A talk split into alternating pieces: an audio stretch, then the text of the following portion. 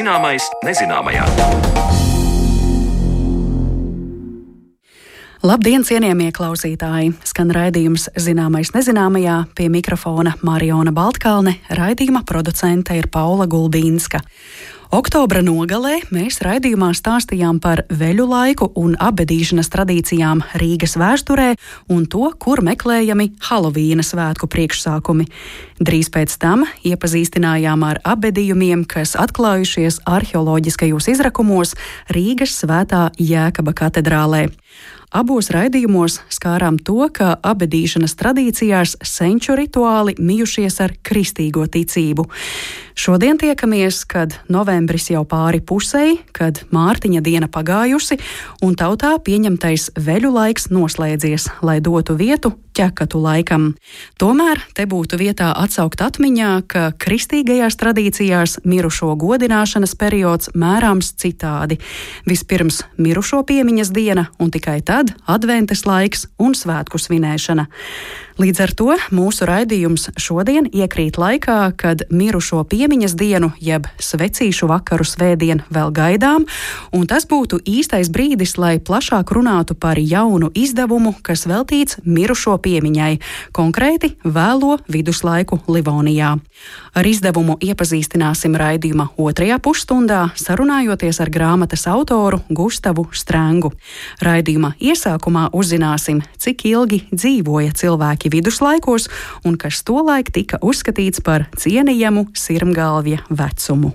Ieklausīsimies mūsu arhīva stāstā, kur Zane Lāce Baltāksne sarunājas ar vēsturnieku Andri Levānu.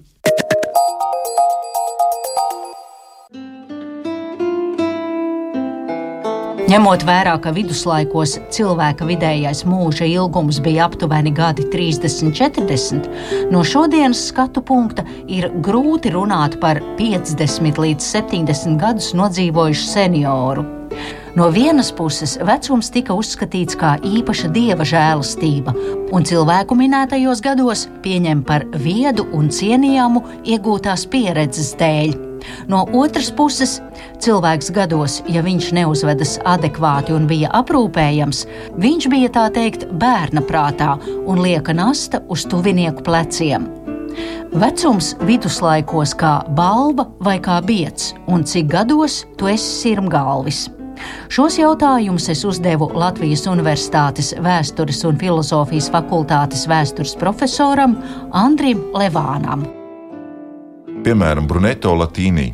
Viens 13. gadsimta otrās puses mākslinieks, humanists, agrais Itālijas humanists, varētu teikt, tiesību pazinējs, politiski aktīvs indivīds. Viņš rakstīja kādā traktātā, ka 40 gadi tas ir tas augstākais cilvēka dzīves punkts. Pēc tam viss, kas notiek ar viņu, nenozīmē, ka iet uz leju, bet sākot no 50 līdz 70 gadiem iestājas briedums, bet 40 gadi tas ir tas apgājējs dzīves, augstākā kulminācija. Tur cilvēks ir gan fiziski, emocionāli un citos veidos ļoti aktīvs. Cilvēki bieži vien, tad, kad viņiem prasīja, cik vecs tu esi, viņi nevarēja pateikt, cik viņiem ir gadu. Tas attiecas gan uz eh, bērniem, gan uz eh, pieaugušiem, tātad arī brieduma vai vecuma gados. Tā amplitūda bija ļoti plaša. Viņi bieži vien teica, nu, man varētu būt 70. Un tas pats cilvēks varēja pēc kāda īsa brīža pateikt, ka viņam ir 80. Neviens īsti nezināja, kurā gadā precīzi viņš ir dzimis. Jo tādu baznīcas grāmatu, kādas mēs zinām no 18. un 19. gadsimta, tādu vēl nebija viduslaikos, kur fiksēja cilvēka dzimšanas gadu, vietu, vecākus un tā tālāk. Tad līdz ar to eh, šis jautājums par to, kas ir vecs cilvēks, drīzāk bieži vien izrietēja no tā, kādas bija šīs ārējās pazīmes, ķermeniskās, fiziskās pazīmes. Vai viņam ir visi zobi, vai viņš labi redz, vai viņš spēja būt fiziski stiprs un aktīvs tajos brīžos, kad lūk, fizisks spēks un uh, enerģija ir nepieciešama. Tieši šie kriteriji bija tie, kas noteica, kurš ir vecs, kurš ir jauns vai kurš ir nobriedzis. Ja uzskats bija tāds, ka vecs cilvēks ir gudrs, jo viņam ir milzīga dzīves pieredze, kas ir laika gaitā uzkrāta. Tad vai viņš ir spējīgs ar šo gudrību dalīties? Tas ir principā tas kritērijs, pēc kura nosaka, piedodiet, vērtību tam vecim vai vecenei viduslaiki. viduslaiki Ņemot vērā tā laika sadzīves apstākļus, medicīnu, vai tā dzīve ilga vispār bija tik ilga, cik daudziem cilvēkiem vispār izdevās nodzīvot? Lūk, ļoti labs jautājums. Jo, ja mēs palūkojamies eh, uz to, kā viduslaikos raugās tieši uz šo jautājumu, cik cilvēku mūžs vispār ir garš, tad jau viduslaikos uzskatīja, ka sasniegt lūk, brieduma un vecuma gadus ir īpaša dievišķa žēlstība. Jo caurmērā cilvēka dzīves garums bija apmēram 30 gadu. Tas nozīmē, ka vecumu pēc 50 gadiem sasniedza retais. Tādu cilvēku nebija daudz. Tas nozīmē, ka līdz ar to mēs varam rēķināties tikai ar mazu lūk šo briedumu gadu sasniegušo sabiedrības daļu, kas līdz ar to bieži vien ir arī politiski aktīvi, viņi ir sociāli un politiski aktīvi šie indivīdi. Ja mēs skatāmies uz tiem, kuri viduslaikos pārsniedz to 50, vai 60 vai 40 gadu robežu, kā uz viņiem skatījās sabiedrība? Vai tas ir atkarīgs, ja cilvēki bija pārtikuši, vai aristokrāti, vai arī zemnieku būdiņā dzīvojošs vecs 50 gadīgs vīrs vai sieva? Ja mēs paskatāmies uz dzīvi ilgi un uz sociālo statusu, uz šo, tā, šo divu lielumu savstarpējo korelāciju, tad viennozīmīgi runa ir arī par to, kādai sabiedrības kārtai indivīds vai individu grupa pieder. Un eh, pavisam noteikti šī kopsakarība ir saskatāma.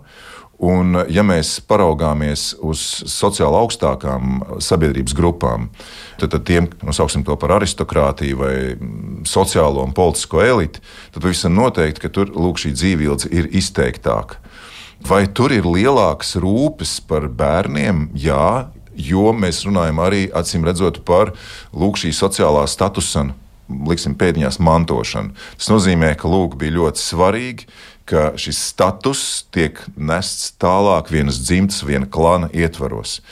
Nemazāk nozīmīgi tas, protams, bija runājot par to sabiedrības daļu, kas, piemēram, bija nu, teiksim, tā, tā saucamā neurbānā sabiedrība. Tad cilvēki, kas dzīvo ārpus pilsētām, kur ir diezgan liels dzimtas un ģimenes, kur ir saime, kur ir ne tikai asins radinieki piesaistīti un dzīvo vienā, varētu teikt, ļoti slēgtā kopienā bet tad, tad tie ir arī tie, kas savas dzīves laikā ir nu, nonākuši ciešās iespējams, vairumā gadījumā ekonomiskās attiecībās ar šiem nu, teiksim, dzimtas vai ģimenes locekļiem.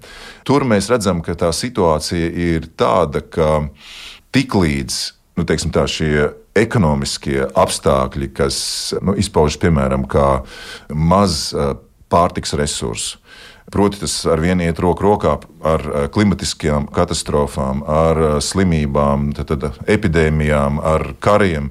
Un tiklīdz pārtiks eh, šis resurss samazinās, kur ir jautājums par eksistenci, kā mēs izdzīvosim, tad pilnīgi skaidrs, ka tur eh, tiek iedarbināts tādas sociālās tehnikas, kas mums liekas nepieņemamas, ļoti nežēlīgas, mēs teiktu pat barbariskas. Tas nozīmē, pirmie tiek no šīs ģimenes izslēgti bērni bērni tiek nogalināti, ja pārtikas kļūst ļoti maz. Tas izklausās patiešām ārkārtīgi nežēlīgi. Šādus faktus mēs varam konstatēt, un šo pat pieļauj tā saucamās paraduma tiesības. Ja mēs runājam par agrajiem eh, viduslaikiem, tad, tad laiks 5, 7, 8, 9, 10 gadsimts, 11. Mēs vērojam dažādos dokumentārijos un tiesību un citu veidu tiesību tekstos, mēs vērojam šādus teiksim, tā, nospiedumus, kur cilvēki lūk šādi ārpus pilsētas sabiedrībās ir uzvedušies. Tas pats vai līdzīgi attiecas arī uz veciem cilvēkiem, kuru nu, teiksim, tā, saimnieciskā efektivitāte tiek novērtēta kā traucējoša drīzāk, jo viņi ir jābaro. Gan bērni, gan vecie ir jābaro. Tātad, ja viņi kā lūk, kopienas resursi tiek novērtēti kā tādi, kur tikai patērē un neko nedod, tad viņi tiek mm, nogalināti vai viņi tiek pārdoti. Skatot uz pilsētu sabiedrību viduslaikos, Tur daļa veco cilvēku nonāk hospitāļos, kas tolaik pilda gan slimnīcas funkcijas, gan ir arī sava veida veco ļaužu mītnes vieta, teica Andris Levāns. Viduslaika Rīgā šāds eh, hospitāls arī eksistē. Tas ir Svētā gara hospitāls. Tādi ir pat bijuši vairāk. Tāpat kā mēs paskatāmies, piemēram, uz viduslaiku Lībeku, tur mēs arī redzam, ka ir Svētā Gara, Svētā Georga vai Jūra hospitāls. Tātad abu šo divu, varētu teikt, aizbildņu pār svētiem, arī citu svētā Lācara hospitāls arī ir darbojies vairākās viduslaika pilsētās, ne tikai Austrumbaltijas vēsturiskajā telpā, Ziemeļvācijā un citur. Nu, tie ir vairāk domāti cilvēkiem, kuri slimo ar lepru vai citām tajā laikā par demonizētām, uzskatītām uh, slimībām. Nu, lūk, un uh, tad, ja mēs paskatāmies savukārt uz lauku sabiedrībām, tad tur, protams, ir tas eh, moments, ka cilvēki, kuri nespēj sevi nodrošināt, vai kuri ir jānodrošina ar pārtiku, jāuztur, citiem vārdiem sakot, kuriem vajag arī savu stūrīti konkrētajā vietā, saimē, tad kā jau es pieminēju, tajā brīdī, kad sāks pārtikas krīze, tajā brīdī, kad ir jāizdzīvo kopienai, tad, protams, lūk, šis drastiskais līdzeklis, šīs sociālās tehnikas svira tiek iedarbināta. Un uh, vecie cilvēki tiek attiecīgi atstāti, nu, mēs teiktu, tā likteņa varā. Tas nozīmē, ka viņi tiek atstāti principā drošai bojājai. Par viņiem vairs aprūpe neviens neuzņemās. Tad, tad uh, viņi ir arī vienlaicīgi tie, kuri pild šādas, nu, varētu teikt, tiesiskās arbitrāžas un tiesiskās apziņas, kopienas kolektīvās apziņas uh, funkcijas. Tātad tie, kuri runā visu pārējo vārdā, kuri spēj pieņemt lēmumus visas, teiksim, pārējās kopienas vārdā. Nu, šāda funkcija viņiem piemīt. Taču viens būtisks kritērijs šeit ir, vai šis cilvēks ir patiešām pie pilna saprāta, vai arī viņš tieši vecumam iestājoties kļūst par bērnu. Tas nozīmē, viņš atkal atgriežas bērnībā, kas viduslaikos tika uzskatīts par ārkārtīgi lielu grēku, Tas nozīmē, ka Dievs no šī cilvēka ir novērsies. Viņš nav spējīgs spriest, viņš nav spējīgs domāt, viņš nav spējīgs pieņemt lēmumus, kur vēl sliktāka lieta var gadīties. Tas nozīmē, ka šāds cilvēks nav spējīgs uzņemties atbildību arī par sevi. Arī zaudējot spēju adekvāti spriest un rīkoties, cilvēks tika uzskatīts par grēcinieku. Ja tu pieaudzis būdams nespēj spriest un, piemēram, neesi uzrakstījis testamentu, kas savukārt izraisa nesaskaņas pēcnācēju starpā, tad esi grēkojis, un kā sots tev ir šis garīgais un arī fiziskais pagrimums un nonākšana atkal bērna prātā, jo tu vairs neesi vecs un vietas, bet tikai vecs. Savukārt cienījamos gados esošie saprātīgie ļaudis var baudīt apkārtējo cieņu, un viņu viedoklis sabiedrībā tiek ņemts vērā. Būt vecam vēl nenozīmē, ka tevi cienīs. Tik tiešām, arī lasot eh, viduslaika tiesību tekstus, mēs ieraugām, ka individam ir jābūt šajā laikā līdz tam vecumam, jeb līdz tam brīdim, kad iestājas vecums. Tad cilvēkam ir lūk, šis sociālais, simboliskais kapitāls jāuzkrāj, lai viņš kļūtu par autoritāti, lai ar viņu viedokli, lai ar viņu domām rēķinātos, lai varētu patiešām teikt, mēs zinām, ka viņš zina. Kā rīkoties vienā vai otrā situācijā. Pie tam viņš jau nav atsevišķs, teiksim, kā indivīds, pie kura tagad ies un teiks, nu, pasak man, lūdzu, vienu prātīgu padomu. Viņi ir, varētu teikt, kā kopiena šie vecie. Nevelti mēs eh, redzam, ir tāda vārdkopa seniores et meliores, kas gan historiogrāfiskajos tekstos, gan eh, tiesību tekstos ik pa brīdim parādās. Un mēs bieži vien jautājam, kas tā ir par sabiedrības grupu. Tā ir sociālā un patiesībā arī politiskā elite, kura lūk, runā un spriež kopienas vārdā. Tātad šie ir tie godājamie un šie vecie, Protams, mēs varam šeit spekulēt, cik viņiem ir gadu, vai, viņi ir, vai viņiem ir 60, vai viņiem ir 70, vai viņiem ir 80. Tas netiek pateikts eh, vai netiek nosaukts ar eksaktiem skaitļiem, cipariem vai vēl kaut kādā citā veidā. Bet tā, tā ir tā grupa, kas ir uzkrājusi šo simbolisko sociālo kapitālu savas dzīves laikā. Tad mēs runājam, tie var būt pilsoņi, kur ir bijuši sociāli aktīvi, politiski aktīvi. Tātad tādi indivīdi, kuri ar vienu ir angažējušies kopienas labā un kopienas uh, interešu dēļ. Un, ja es esmu vienkārši vecs, nu, tad es esmu vienkārši vecs, savu dzīvi nodzīvojis, nepamanāms, un tāds es arī aiziešu, kā nepamanāms. Un ļoti iespējams, ka tā būs liela laime, ja kopiena par mani uzņemsies atbildību un par mani gādās. Kaut arī es savas dzīves laikā iespējams par kopienu esmu licies zinis vai uzņēmies kaut kādu atbildību visai maz, vai varbūt vispār nemaz.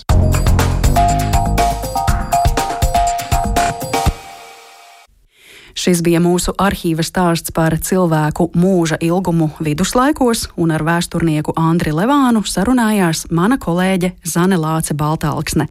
Bet ko mirušo piemiņa pastāsta par dažādām sabiedrības kopienām viduslaikos? Tas ir būtisks Gustava Strēngas pētījuma temats, un par visu plašāk raidījumā pēc brīža.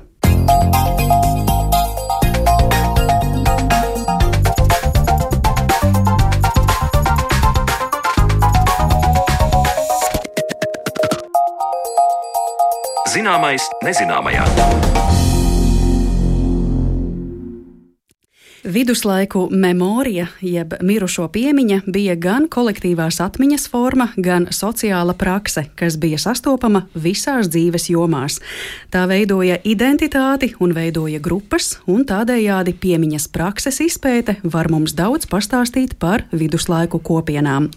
Šis ir teksts no kopsavilkuma pētījumam ar nosaukumu Atceroties mirušos - kolektīvā atmiņa un piemiņa vēlo viduslaiku Livonijā. Pētījums Pētījums skaidro memorija kā kolektīvās atmiņas formas nozīmi dažādām grupām un institūcijām - pilsētu valdībai un ģildēm, vācu ordenim, bīskapiem un katedrāles kapituliem un klosteru kopienām.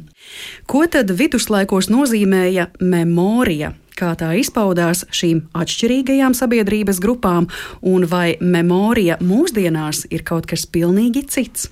To man būs gods šodien jautāt pētījuma autoram, un es sveicu studijā vēsturnieku Gustavu Strēngu. Labdien, Gustav! Labdien! Tev šis laiks ir ļoti ražīgs. Mēs augustā tikāmies, lai runātu par citu izdevumu, kam tu esi viens no autoriem. Runa toreiz bija par izdevumu, kas stāsta par baltiešu grāmatu kaujām, jeb The Baltic Battle of Books, tātad par grāmatu un bibliotēku likteņiem vēlajos viduslaikos. Šis izdevums angļu valodā tīmeklī ir brīvi pieejams visiem interesantiem. Pavisam nesen ir aizvadīts Latvijas vēstures kongress, kurā tu arī piedalījies, un tagad mēs tiekamies, lai runātu par konkrēti tavu veidotu pētījumu veltītu mirušo piemiņai vēlo viduslaiku Livonijā. Tas arī ir visiem interesantiem brīvi pieejams pētījums angļu valodā. Pie šī raidījuma ieraksta mēs arī publicēsim pieejas saiti. Cik sen tu esi licis punktu šim pēdējam izdevumam, par ko mēs šodien runāsim? Tas ir kaut kas karsts, svaigs, tikko noslēdzies. Man jāatzīst, ka šī grāmata, atceroties mirušos, savā ziņā ir daļa no manas biogrāfijas. Proti, es aizsāku šo darbu kā savu doktora disertāciju, un uh, sāku es disertāciju rakstīt 2007. gadā. Tas bija ļoti sen. Pabeidzu 2013. gadā un aizstāvēju, un tad bija ilgāks laiks, kad es nebiju pārliecināts, vai man ir jāpublicē savu disertāciju kā grāmatu, un man ilgāku laiku bija tādas iekšējas šaubas. Un uh, pagāja laiks, un es parādīju kādam savam holandiešu kolēģim savu disertācijas manuskriptu, un viņš teica, Klau, man ir sērija izdevniecībā Brepols. Vai nevēlies publicēt pie mums šo grāmatu? Un es teicu, hmm, kāpēc ne? Un tā aizsākās ceļš no disertācijas teksta līdz grāmatai kas arī bija pietiekami ilgs. Kaut kādā ziņā, protams, tas parāda manas paša attīstību un varbūt tādu nogurumu no pētniecības, kādu es jūtu pirms gadiem desmit. Un es varu atsaukties arī man viena laba draudzene un kolēģe nesen ierakstīja sociālajos medijos, ka viņa rakstot disertāciju jūtas izmisusi un ka ir sajūta, ka ir kaut kāds bezizējas punkts sasniegts. Un man šķiet, tas ir tas, ko daudzi cilvēki rakstot savus zinātniskos darbus un īpaši disertācijas priekšiem jūt tāda nepārliecinātība par sevi, varbūt bezzēja situācija. Un, protams, monogrāfija katram pētniekam ir tas, kas ir vajadzīgs, lai sevi apliecinātu, un nu, manā gadījumā tas tap pietiekami ilgi. Tad no vienas puses tāds labi norūdzis darbs, kas saturiskā ziņā ir tiešām tapis daudzu gadu garumā, un no otras puses tādos skaistos vākos, kā mums arī šobrīd sarunas laikā uz galda stāv priekšā, tāds nesen tapis darbs. Par pašu jēdzienu - memorija. Tātad tu skaidro, ka tā ir kolektīvās atmiņas forma un sociāla prakse. Ko memorija savā būtībā nozīmē? Kā tas izpaužas? Jāsadala šis jautājums ir divās daļās. Latvijas valodā memorija nozīmē atmiņu un atcerēšanos, un arī viduslaika kontekstā dažādos tekstos, intelektuālos tekstos, teoloģiskos tekstos memorija tiek lietots jēdziens, kas apzīmē atmiņu un atcerēšanos. Un atcerēties var gandrīz jebko. Pagātne ir daļa no atmiņas, bet arī šīs prasmes atcerēties, vai kā viduslaikos teica, atmiņas māksla ir nepieciešama, lai tu atcerētos noteiktus tekstus, lai tu atcerētos varbūt noteiktus konceptus. Un e, viduslaiku kontekstā tas bija ļoti svarīgi, jo tā ir kultūra, kurā rakstītie teksti pastāv, bet viņi ir dārgi. Viņi ir rakstīti uz pergamenta, viņi ir rakstīti lielās grāmatās, un tās grāmatas nevienmēr tu vari paņemt līdzi. Tas nav kā šodien mēs varam savā telefonā lasīt uh, gandrīz jebko, kas ir publicēts un ir digitāls, un tev jāmēģina atcerēties. Tev pašam jāmēģina izveidot savā prātā struktūras, kas tev palīdz atcerēties. Tā ir tā viena šī vārda memorija nozīme. Bet uh, memorija nozīmē arī mirušo piemiņu, tas ir viduslaikos ļoti svarīgi, jo šī mirušo piemiņa saistās ar šķīstītavas konceptu kristietībā. Proti, 12. un 13. gadsimtā radās Rietumē Eiropā nojausma, ka ne visas dvēseles pēc nāves uzreiz nokļūst debesīs, ka lielākā daļa no viņām ir spiestas savus grēkus šķīstīt šķīstītavā. Tātad tie ir cilvēki, kuri nav nolemti ellē, kuri nav nolemti mūžīgām ciešanām un iznīcībai, bet kādu laiku viņiem ir jācieš šķīstītavā un dzīvo lūkšanas. Šiem cilvēkiem palīdz. Tādēļ ir svarīgi atcerēties liturģijā, ir svarīgi atcerēties arī citos rituālos mirušos. Jā, mirušo piemiņa viduslaika kontekstā Allaž tā ir pirmā doma, kas saistās ar lūkšanas un piemiņas dievkalpojumu, bet mēs redzam, ka mirušo piemiņa ir ļoti svarīga katrai grupai, lai atcerētos savu pagātni. Un tā ir varbūt manas grāmatas pamatideja ka viduslaikos mirušos izmanto kā no šos atskaites punktus, lai atcerētos grupas pagātni un arī stāstītu tās vēsturi jo tas ir veids, kā ir iespējams vieglāk izstāstīt pagātnes notikumus, ja tu saisti viņus ar noteiktām personām, dažos gadījumos arī ar personām un vietām. Īstenībā ir vieglāk atcerēties, ja tev rodas tēls galvā, kādas agrāk dzīvojošas personas tēls, un tu saisti pagātni ar, ar šo cilvēku. Piemēram, ar biskupu Meinārdu vai Rīgas dibinātāju biskupu Albertu. Un tajā pašā laikā, protams, ja mēs raugāmies arī uz pilsētu sabiedrībām, tad mēs ieraugam to, ka nu, mirušos ir svarīgi arī atcerēties tīri, domājot arī par varbūt juridiskām lietām, proti, par mantojumu. Ja tā ir rāta, kas ir pārvaldes institūcija, tad rātskungiem ir svarīgi atcerēties savus priekšgājējus, jo tas patiesībā padara viņu autoritāti un varu leģitīmāku nekā tad, ja viņi ir pirmie, kuri sāk pilnīgi no nulles. Līdz ar to šī lūkošanās pagātnē ir saistīta ar tagadnes vajadzībām, ar vēlmi apzināties, kas mēs esam kā grupa, un arī, protams, iegūt, ja ir runa par varu, tad arī iegūt šo politisko leģitimitāti. Un te es domāju, ja mēs salīdzinām vēlos viduslaikus un mūsdienas, cik ārkārtīgi liels spēks eh, vēlajos viduslaikos ir šīm atmiņām, uz kuru pamata mēs eh, konstruējam kaut ko, un cik eh, viegli no vienas puses ir mūsdienās visas šīs atmiņas veidot. Mums taču ir video materiāli un fotografijas un sarakstes un rakstītie avoti, kas to visu padara vieglāku, bet no otras puses varbūt mēs informācijas gūzmā esam tik apjukuši, ka tas pat ir grūtāk nekā viduslaikos. Es atļaušos tev nepiekrist, jo man man šķiet, ka tas ir tas, ko es arī nedaudz skaru grāmatā, bet tas ir vienmēr izaicinājums. Proti, kaut kas var būt ierakstīts atmiņā. Proti, ja mēs domājam par rakstīto vārdu, tā ir daļa, kā arī Jans Asmans saka, daļa no kultūra atmiņas, kur saglabājas ļoti ilgi. Bet, ja piemiņa nenāk tālāk, ja pieminēšana nenāk tālāk, tas ir atrodas tādā neaktīvā režīmā. Šīs atmiņas ir augstas, viņas netiek izmantotas. Mums var būt ļoti daudz fotografiju, un arī to es varu teikt pēc savas pieredzes un saviem ģimenes albumiem. Šad un tad es pārskatu fotografijas no 20, 30 gadiem. Lielāko daļu no cilvēkiem, kas ir šajās fotografijās, es nezinu. Jā, viņi ir iemūžināti, bet šīs zināšanas par šiem cilvēkiem ir zudušas.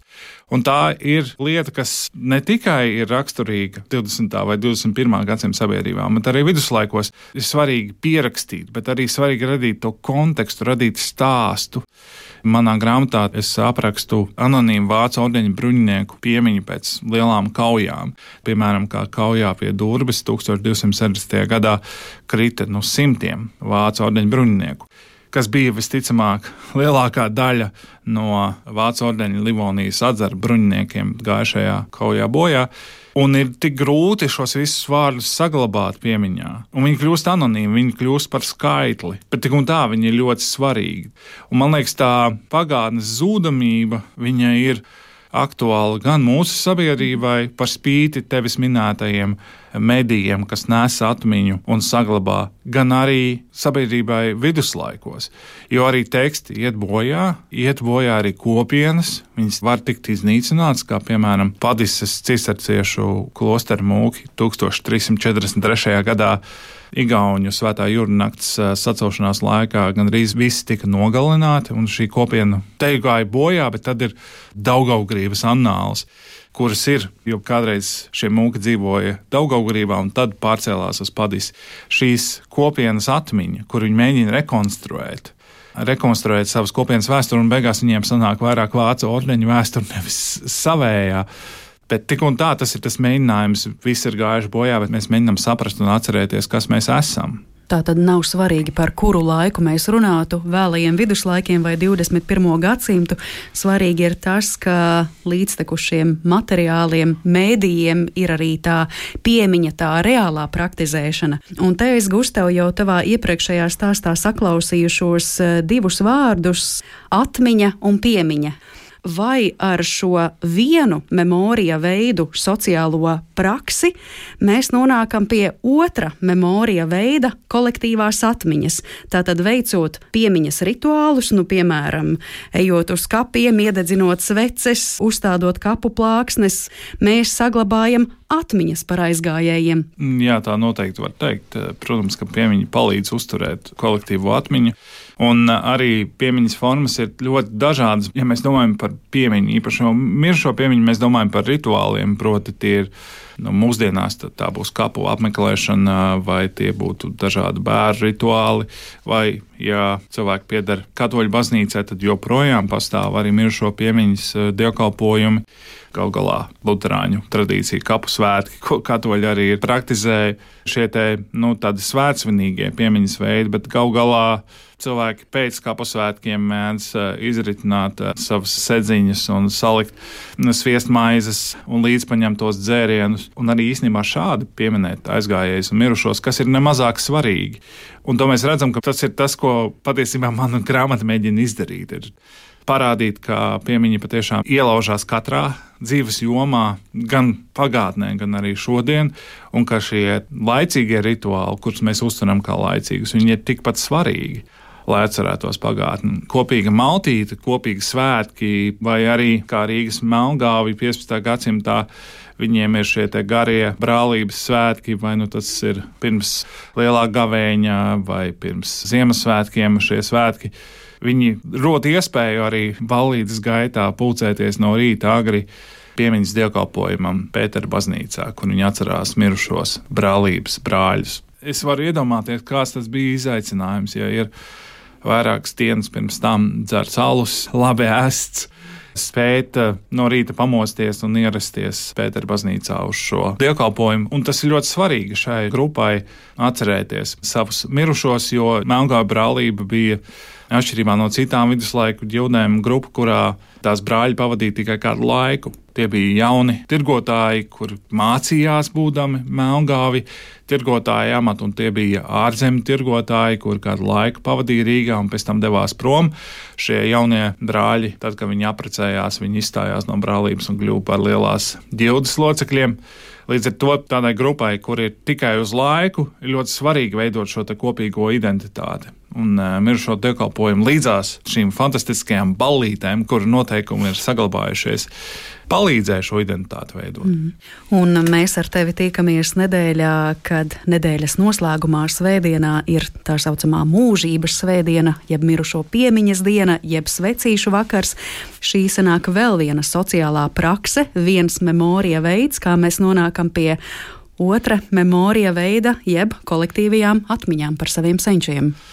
Jā, tā mēs varam teikt, bet tomēr šodien mēs nevaram runāt par tādu mirušo piemiņu kā viduslaikos, un autors, kurš man ir ļoti tuvs un kurš šajā grāmatā tiek citāts ļoti daudzas reizes, Gerhards Öksley, vācu viduslaika vēsturnieks, kurš patiesībā šo memorijas konceptu ir izveidojis pētniecībā. Viņš arī saka, ka šī mirušo pieminēšana, tāda kādu mēs redzam viduslaikos, viņa beidzās līdz ar Franču revolūciju. Līdz ar to modernā pasaule maina mirušo piemiņu, maina sabiedrības un cilvēku attiecības ar mirušajiem. Protams, šīs pārmaiņas jau tas nebija mirklis. Franču revolūcija gal galā, piemēram, nenotika šeit, Baltijā, kas toreiz bija Krievijas impērijā. Tātad nu, mēs varam teikt, ka tomēr tas ir tāds ilgstošs process, un Franču revolūcija līdz ar tām pārmaiņām, kuras tā nesa visai Eiropai domāšanā un arī politiskajā sistēmā un Napoleona kari, tas, protams, ka izmaina tās attiecības ar pagātni un arī attiecības ar mirušajiem, un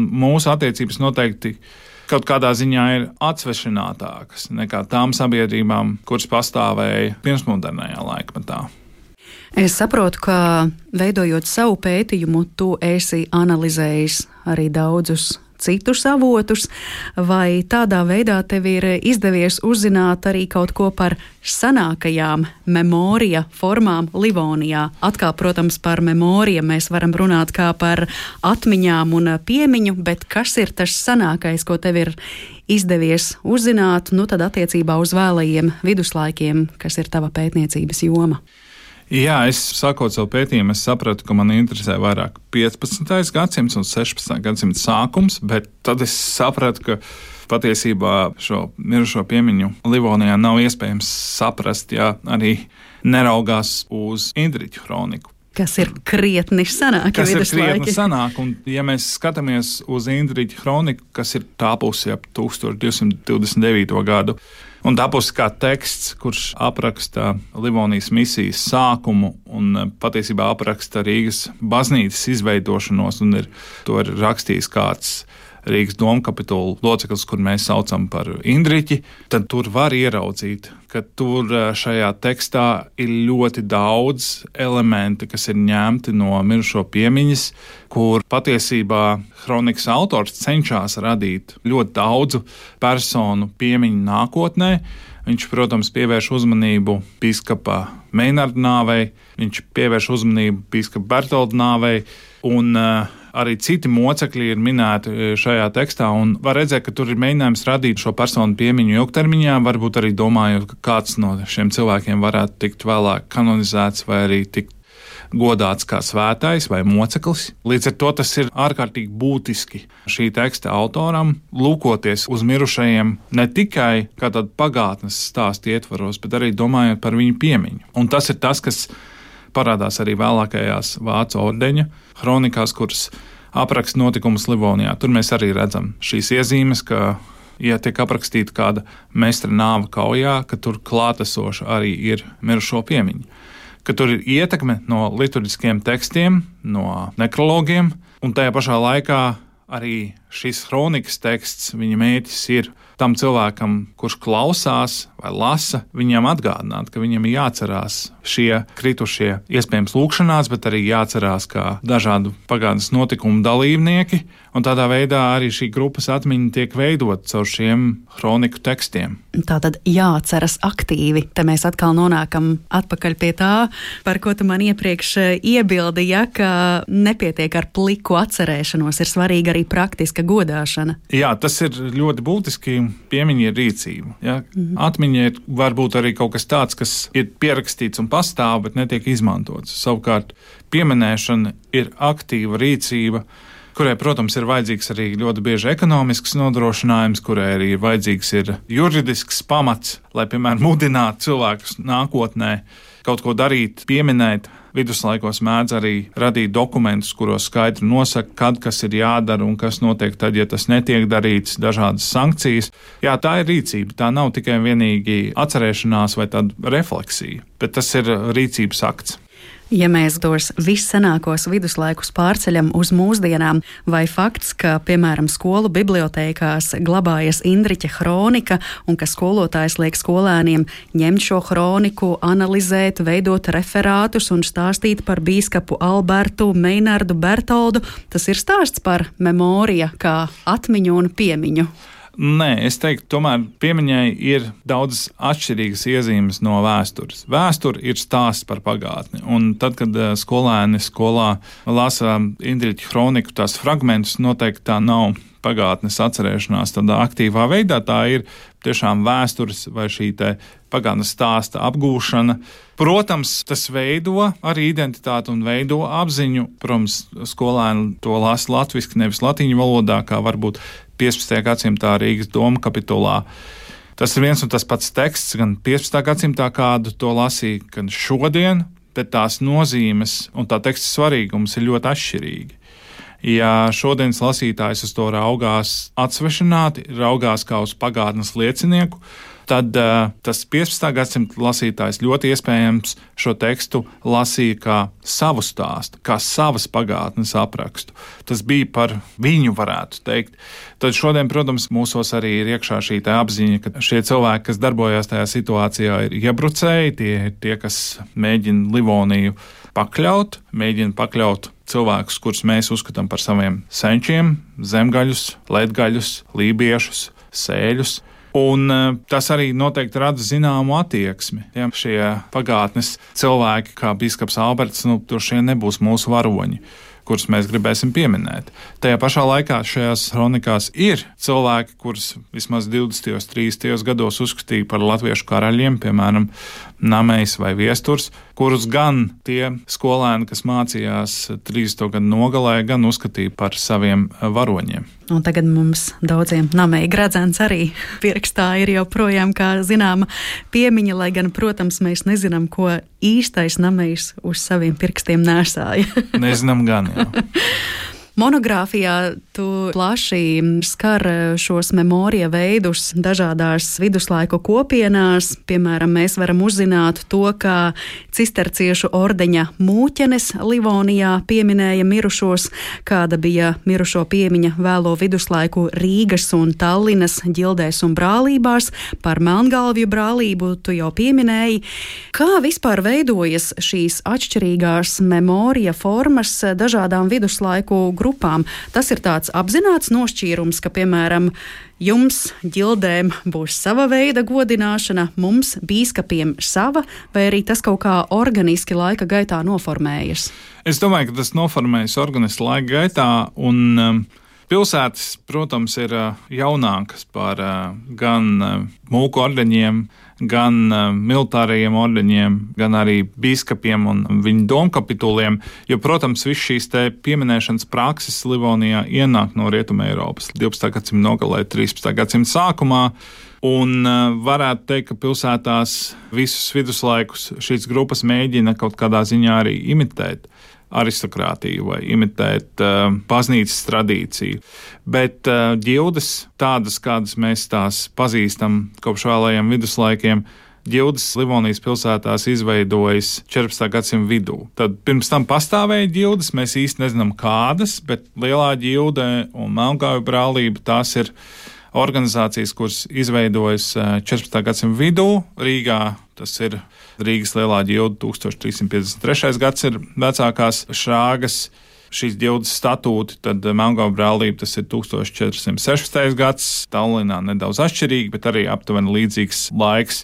Un tad izveidoja šī ģilžu struktūra, kura patiesībā pastāv līdz pat 19. gadsimta nogalē, 20. gadsimta sākumam. Un līdz ar to šīs grupas nevar atcerēties 13. gadsimta notikumus, jo viņas nav tajā brīdī pastāvējušas. Un, um, protams, arī tas mērķis ir nedaudz atšķirīgs. Tas mērķis vairāk ir saistīts ar šo sociālo solidaritāti, ar šo vēlmi kopā pieminēt mirušos un sajust sevi kā kopību, jo šīs organizācijas rūpējas nevis tikai par ekonomiskajiem labumiem, nevis tikai aizstāv savas politiskās tiesības, bet, protams, arī domā par to, kas notiks ar viņu biedru dvēselēm pēc nāves. Tas ļoti spēcīgs dzinulis cilvēkiem turēties kopā, ka viņi ne tikai ir kopā dzīvē, bet viņi būs arī kopā, vai viņi atcerēsies savus priekštečus arī tad, kad šie priekšteči būs miruši vai jau ir miruši. Mm. Līdz ar to mēs, protams, redzam to kopīgo, ja mēs salīdzinām, piemēram, Vācu ordeni ar ģildēm pilsētās, bet, protams, tas atšķirīgais ir tas, nu, teiksim, tā, tas atmiņu senums, gan Vācu ordenis, gan arī biskupa domkapitula Livonijā viņu atmiņas un viņu saknes stiepjas līdz pat 13. gadsimtam, un viņi aktīvi atcerās savus sākumus, kā es arī mēģinu to parādīt savā grāmatā tad, eh, protams, šīs ģildes un brālības pilsētās viņu atmiņas nav tik senas, bet tas nenozīmē, ka kopīgā mirušo piemiņa viņām būtu mazāk svarīga. Un arī sanākot kopā tā saucamā galda ģilde Rīgā, kurā lielākā daļa dalībnieku bija no Rīgas lielās ģildes viņi kopīgi centās atcerēties arī savus ģildes sākumus un atcerēties tos, kuri ir dibinājuši šo grupu. Mm -hmm.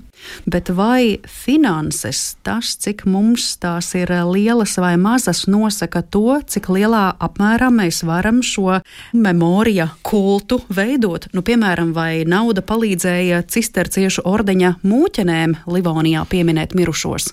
Te varbūt es veidot nošķīrumu. Protams, nauda piemiņā ir ļoti būtiska, ļoti svarīga. Ekonomiskais resurs ir tas, kas var nodrošināt piemiņas ilglaicību.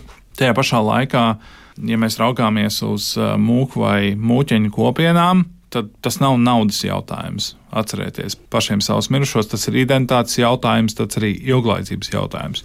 Un tas nozīmē, ka pati grupa ir ieinteresēta tajā, lai atcerētos savu pagātni. Savukārt, ja mēs domājam par bagātiem tirgotājiem, tad tur nu gan ļoti svarīgi bija tas, vai tev ir nauda, vai tev ir citi resursi, kas ļautu, piemēram, kādā baznīcā uzbūvēt ģimenes kapelu, kur tapt abadītam, un pēc tam arī, kur citi ģimenes locekļi varētu tikt abadīti vairākās paudzēs. Nodrošināt šos piemiņas dievkalpojumus, jo priesteriem bija jāmaksā nauda, un arī paši dievkalpojumi izmaksāja naudu, domājot par vīnu, domājot par rituālu traukiem, par piķeri vai par patēnu, par ornātiem un citas izmaksas, kuras bija saistītas ar šo dievkalpojumu un piemiņas dievkalpojumu svinēšanu. Un tad, protams, tas ir tas jautājums, kāpēc to darīt. Viens ir neapšaubāmi rūpes par savu vai savu ģimenes locekļu piemiņu un šķīstīšanu un iespēju viņiem atbrīvot dvēseles no šķīstītavas pēc iespējas ātrāk, bet otrs arī, ja domājam par rādskungu piemiņu, tad tas ir šī vēlme veidot tādu Rādskungu dinastiju, jo, protams, ka tām grupām vai teiksim, tām ģimenēm, kurām bija šī pēstniecība ilgāka, arī viņu politiskā vara pieauga. Ja tu esi rādskungs, kura tēvs ir bijis rādskungs, kura vectēvs ir bijis rādskungs, kura vec vectēvs ir bijis rādskungs, un tu to zini, un tu to vari pierādīt. Tu vari teikt, reku, šie visi mani priekšteči guļ šeit, Svētā Pētera baznīcas kapelā. Tad jā, tas ir tāds politisks kapitāls, kuru var izmantot. Vēl tu savā monogrāfijā esi runājis arī par eh, konfliktiem. Tur ir sadaļa par atmiņu un konfliktiem. Uh, nu, varētu teikt, ka mums eh, Latvijā mūsdienās arī ir konflikti, ja mēs runājam par atšķirīgu kolektīvo atmiņu un vēstures interpretāciju. Vieniem pēc otrā pasaules kara uzvaras diena, otriem okupācija, un arī tu savā izdevumā raksti par konfliktu starp Vācu ordeni un Rīgas arhibīskapiem. Par ko tad viņiem bija kašķis, arī par kaut ko dalījās domas. Tas tā tad ir 15. gadsimts. Šis konflikts ir ilgāks nekā tikai 15. gadsimts. Tas aizsākas 13. gadsimta pašā nogalē, 1297. gadā, tad, kad sākas Limonijā pilsoņu karš kurš ilgst eh, vairāk kā 30 gadus. Un šis konflikts noslēdzas pašā 15. gadsimta nogalē, tad, kad Walters von Platenbergs kļūst par Vācu ordeņa Livonijas atzaru mestru. Un šī konflikta būtība ir pavisam vienkārša. Vācu ordenis vēlējās šeit izveidot Livonijā tādu pašu varas pārvaldi, kāda tā bija Prūsijā, kur Vācu ordenis faktiski kontrolēja visas pīskapīs. Un uh, Livonijā šis konflikts izveidojās tādēļ, ka tad, kad uh, veidojās Livonijas struktūra, bija Zomembrāļu ordenis, un šis ordenis gāja bojā Saules kaujā 1236. gadā, un tad tā atlikušie brāļi kļuva par brāļiem Vācu ordenī, un šeit ienāca Vācu ordenis Livonijā un izveidoja savu atzaru. Un Vācu ordenis ienāca jau teritorijā, kur bija izveidojušās politiskās struktūras. Atšķirībā no Prūsijas, kur Vācu ordenis patiesībā veidoja šīs struktūras un bija noteicošais spēks. Viņi... tas bija iemesls, kādēļ Vācu ordenis vesels divus gadsimtus centās gūt virsroku, centās inkorporēt, lietot šo svešvārdu Rīgas domkapitulu un citu domkapitulu domkungus Vācu ordenī un tādā veidā padarīt gan Rīgas domkapitulu, gan Rīgas arhibīskapu par daļu no Vācu ordeņa, un grāmatā aprakstu arī šo konfliktu, kurš izveidojās 15. gadsimta vidū, tad, kad par Rīgas arhibīskapu kļuva vācu ordeņa brālis Silvestris Stodevešers, kurš no sākuma bija patiešām tāds, varētu teikt, vācu ordeņa ieliktenis, kuram bija jānodrošina beidzot, ka tagad Rīgas baznīca nokļūs pilnīgā vācu ordeņa kontrolē, bet pēc kāda laika Silvestris Stodevešers izdomāja, ka nē, nu, viņam nav paceļama ar vācu ordeni, un viņš eh, nolēma patiesībā cīnīties pret vācu ordeni, un tas konflikts, par kur var lasīt, kur ir piemiņai ļoti svarīga nozīme, sākas tieši 1479. gadā, kad nomirst eh, Vācu ordeņa Livonijas atzara mestrs. Viņš tiek abadīts Rīgas domā, altāra daļā, un tad Silvestris Stodovešers nolēma, ka viņš tomēr neļaus uz šī meistra kapa novietot kapu plāksni. Un sākas, varētu teikt, tāds nu, atmiņas karš vai piemiņas karš. Un kā tas noslēdzas? Nu, tas noslēdzas tā, ka vairākus gadus netiek šī plāksne novietota uz meistara kapa. Šī meistara piemiņa netiek īstenota Rīgas domā, par ko Vācu ordenis, protams, ir ļoti, ļoti dusmīgs un raksta dažādas vēstules un cīnās par to. Un beigās tas noslēdzas ar to, ka Vācu ordenis atmet cerības jau kādreiz izmantot Rīgas domu kā savu meistaru, Livonijas atzara meistaru kapavietu. Tā ir Rīgas domkapitula un arī Rīgas arhibīskapa uzvara. Darba tādā noslēguma daļā tu runā par tātad vēlo viduslaiku beigu posmu, reformācija 16. gadsimts, vai tas kaut ko būtiski maina šajā vēlo viduslaiku memorijā? Jā, tas eh, reizē maina un nemaina. Tā ir ļoti interesanta lieta. Proti, Mārtiņš Luters atnāk ar domu, ka visas šīs katoļu baznīcas mācības par šķīstītavu, par uh, to, ka var nopirkt uh, indulgenci par savu grēku gandarījumu un nevis patiešām gandarīt ar darbiem. Kā ir jāsvin mirušo piemiņas dievkalpojumu, tas viss ir muļķības. Tas viss nav nepieciešams pestīšanai. Un tā ir ļoti būtiska izmaiņa, jo proti tie cilvēki, kur dzird šo Lutera vēstījumu un kļūst par Lutera atbalstītājiem, vēlāk kļūst par luterāņiem, viņi uzreiz saprot, nu, tad mēs atsakāmies no mirušo piemiņas dievkalpojumiem, mēs atsakāmies no šiem daudziem altāriem baznīcās. Tas viss ir nevajadzīgs. Un tas ir tas, kas arī 1524. gadā Rīgā, kad notiek šie svētbūšu grautiņi, tas ir šī pamatideja, ka mums tas viss, kas ir gadsimtiem veidots, nav būtisks. Un tas ir iemesls, kādēļ mums šeit Rīgā un vispār Livonijas Latvijas daļā ir tik maz saglabājušies viduslaika mākslas priekšmeti, ir šie te svētbūšu grautiņi. Un tiek iznīcināti altāri, tiek iznīcinātas altāra gleznas, tiek iznīcinātas statujas, tiek iznīcinātas tās vietas, kur gan noteikts grupas, domājot ģildes un brālības, gan arī ģimenes pulcējās kopīgi uz šiem piemiņas dievkalpojumiem baznīcās. Un varētu teikt, ka jā, tas ir mirušo piemiņas noslēgums. Viss mirušo piemiņa vairs nav vajadzīga. Tajā pašā laikā, ja mēs raugāmies, tad kā tiek pats Luters atainots pēc savas nāves 16. gadsimta vidū, un kas notiek ar pašu Lutheru, mēs redzam, ka viņš tiek pieminēts. Viņš patiesībā ir zināmā veida svētais, lai gan, protams, Lutera mācībā svēto vairs nav. Viņš ir šī būtiskā figūra, kuru Lutāņi grib atcerēties, un kurš ir ļoti bieži klātesošs. Un arī mēs redzam, piemēram, šeit pat Livonijā, Rēvels vai šodienas Tallinas Melngāvi. viņi piemin ar epitāfiju tos brālības brāļus, kuri gāja bojā Livonijas kara laikā. Tas ir no 1558. līdz 1583. gadam. Viņiem ir svarīgi atcerēties savus mirušos. Mainās varbūt tā motivācija. Vairs nav tik svarīgi par šiem mirušajiem lūgties. Vairs nav svarīgi mēģināt glābt viņu dvēseles, bet ir ļoti svarīgi apzināties, ka mums ir bijuši priekšteči.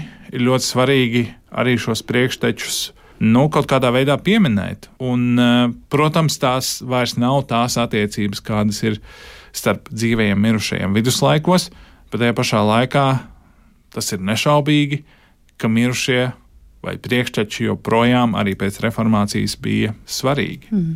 Mēs pirmīt runājām par eh, mūžības svētdienu, jeb mirušo piemiņas dienu, jeb svecīšu vakaru, un tā tad chronoloģiski ir jaunāka tradīcija eh, nekā vēlie viduslaiki.